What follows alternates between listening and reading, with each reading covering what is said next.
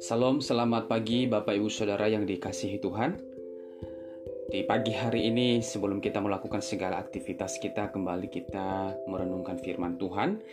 Mari kita mendengarkan dan melakukan setiap firman yang kita dengarkan setiap saat. Karena saya percaya bahwa melalui firman Tuhan kita diteguhkan, kita ditegur dan iman kita semakin bertumbuh oleh sebab itu Bapak Ibu mari kita tidak pernah jemu-jemu untuk mendengarkan dan merenungkan firman Tuhan. Sebelum kita mendengarkan firman Tuhan pada pagi ini mari kita berdoa. Tuhan Yesus yang baik kami bersyukur atas anugerahmu yang melimpah bagi kami dan saat ini kami mau mendengarkan firman Tuhan Tuhan kiranya Engkau Allah yang menolong kami untuk memahami setiap firman yang kami renungkan pada pagi hari ini. Berbicaralah Tuhan, kami siap mendengarkan di dalam nama Yesus. Amin. Firman Tuhan pada pagi hari ini uh, masih di dalam kitab 2 Samuel dan kita sudah tiba di dalam pasal yang ketujuh. Dan di pasal yang ketujuh ini Bapak Ibu Saudara berbicara mengenai janji Tuhan mengenal keluarga, e, mengenai keluarga dan kerajaan Daud lalu kemudian doa ucapan syukur Daud Bapak Ibu Saudara. Dalam pasal ini juga nanti uh, kita bisa melihat bagaimana Daud yang sudah uh, mendiami rumahnya atau mendiami istananya di mana Tuhan telah memberikan keamanan kepada Raja Daud, Bapak Ibu Saudara yang dikasihi Tuhan.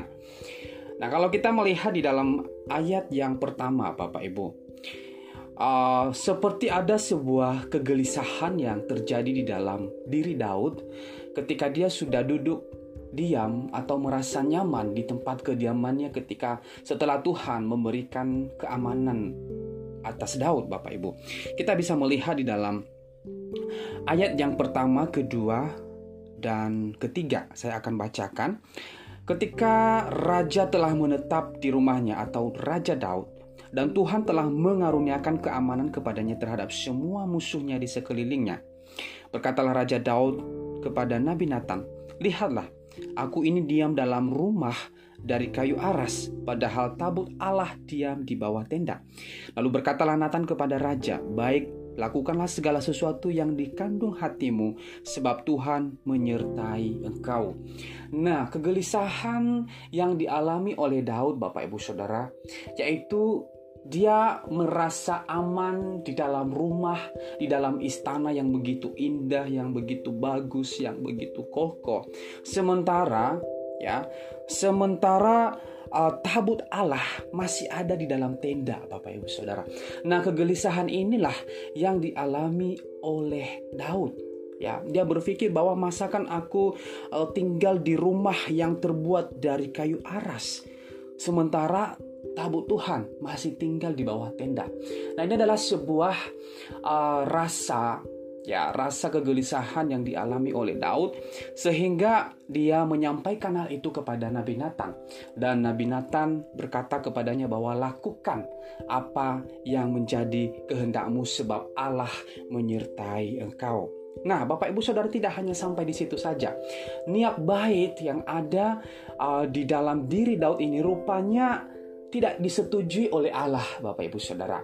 Bukan karena dia sedang menghukum Daud, atau bukan karena dia tidak suka dengan keinginan Daud, bukan karena Allah tidak setuju dengan apa yang dikehendaki atau yang diinginin oleh Daud untuk membangun rumah khusus untuk tabut Allah. Tetapi ada sesuatu hal yang ingin Allah sampaikan kepada Daud bahwa Hal itu tidak sembarangan orang ya. Pilihannya bukan semata-mata mengelalui keinginannya sendiri tetapi harus kehendak Tuhanlah yang terjadi. Oleh sebab itu ketika Nabi Nathan ya menyampaikan hal itu kepada Daud Bapak Ibu Saudara dan di malam setelah itu Allah menampakkan ya menampakkan diri atau datang firman Tuhan datang kepada Nathan Bapak Ibu Saudara atau kepada Nabi Nathan di dalam ayat yang kelima di sana dikatakan bahwa pergilah ini firman Tuhan yang ber, yang disampaikan kepada Nathan untuk diteruskan kepada Daud. Pergilah katakanlah kepada hambaku Daud, beginilah firman Tuhan, masakan engkau yang mendirikan rumah bagiku untuk kudiami. Firman Tuhan berkata bahwa masa engkau ya yang mendirikan rumah bagiku untuk kudiami itu kata firman Tuhan. Lalu ayat yang keenam, aku tidak pernah diam dalam rumah sejak aku menuntun orang Israel dari Mesir sampai hari ini.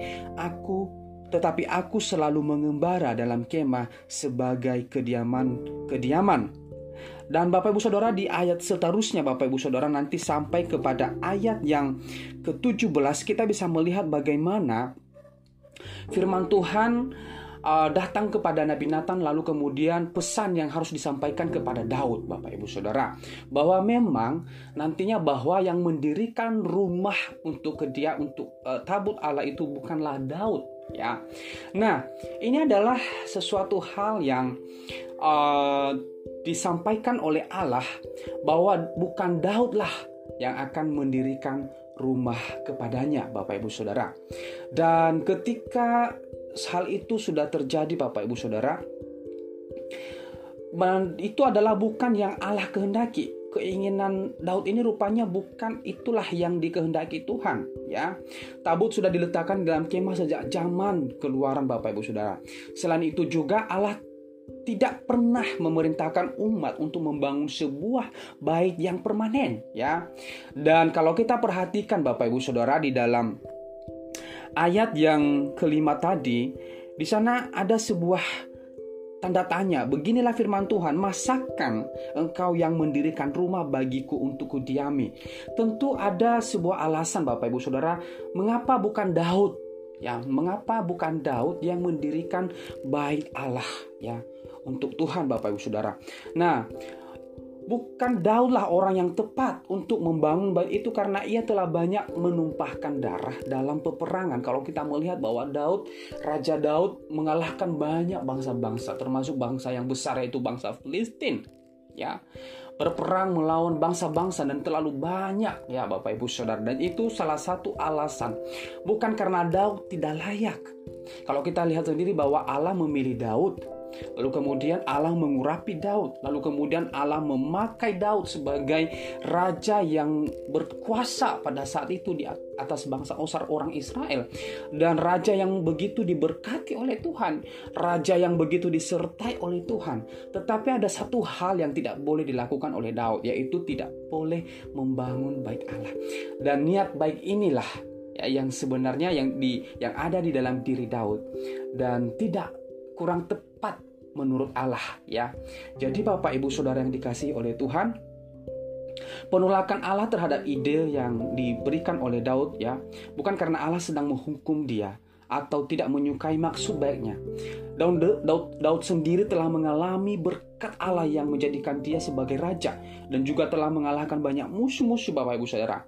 Allah pun memberkati Daud dengan reputasi, dengan tanah yang begitu subur bagi orang Israel, keamanan dan juga kerajaan yang berkelanjutan Bapak Ibu Saudara.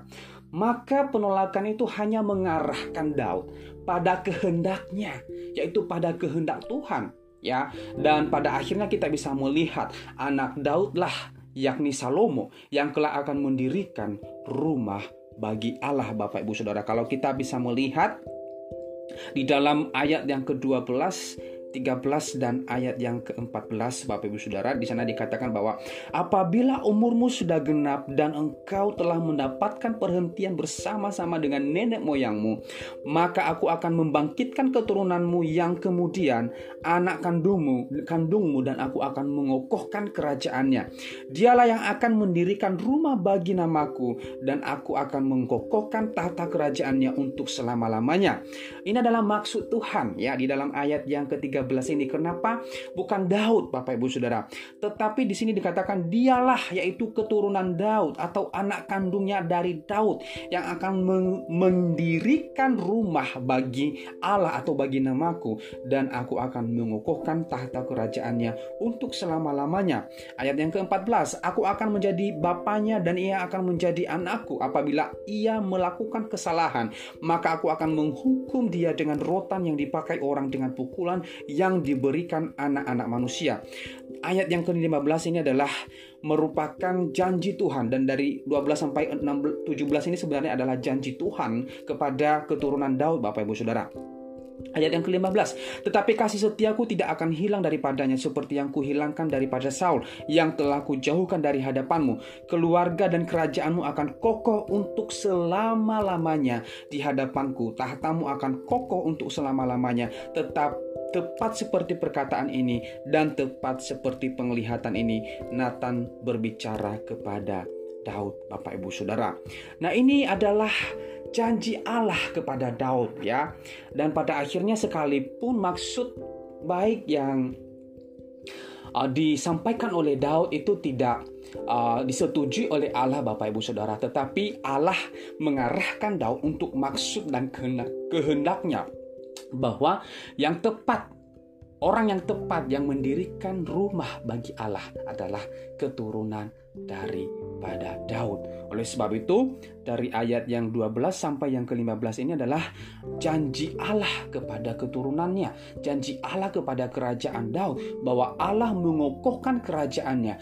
Allah memberikan keamanan untuk selama-lamanya atas kerajaan Daud, Bapak Ibu Saudara. Dan kalau kita melihat di dalam Ayat yang ke-18 dan seterusnya itu adalah berbicara mengenai doa ucapan syukur Daud.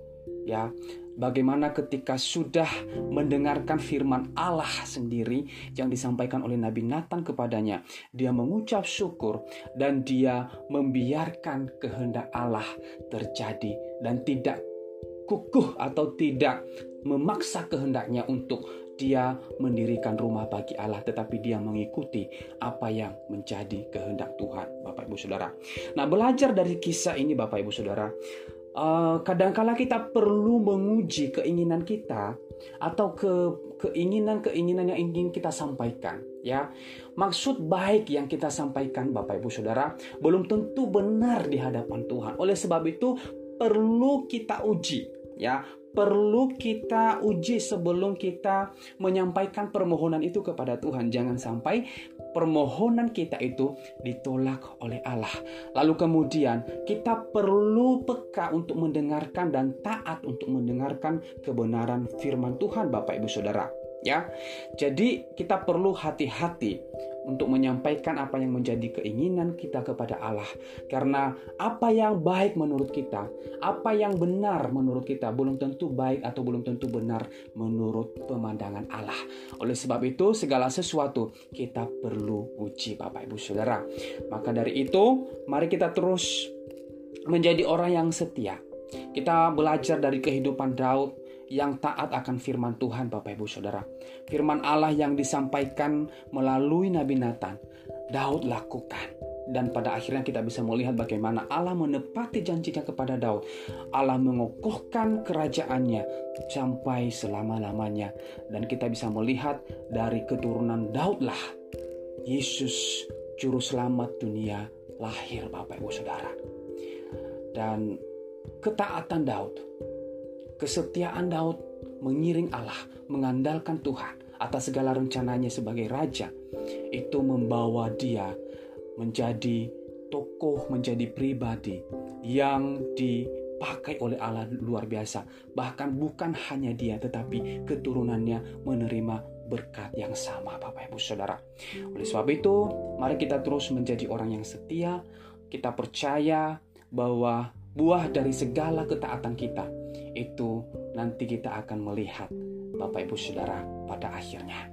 Kiranya firman Tuhan pada pagi hari ini akan menolong kita kembali merenungkan bagaimana kebaikan-kebaikan Tuhan yang sudah kita terima setiap saat. Tuhan Yesus memberkati kita semua. Salam.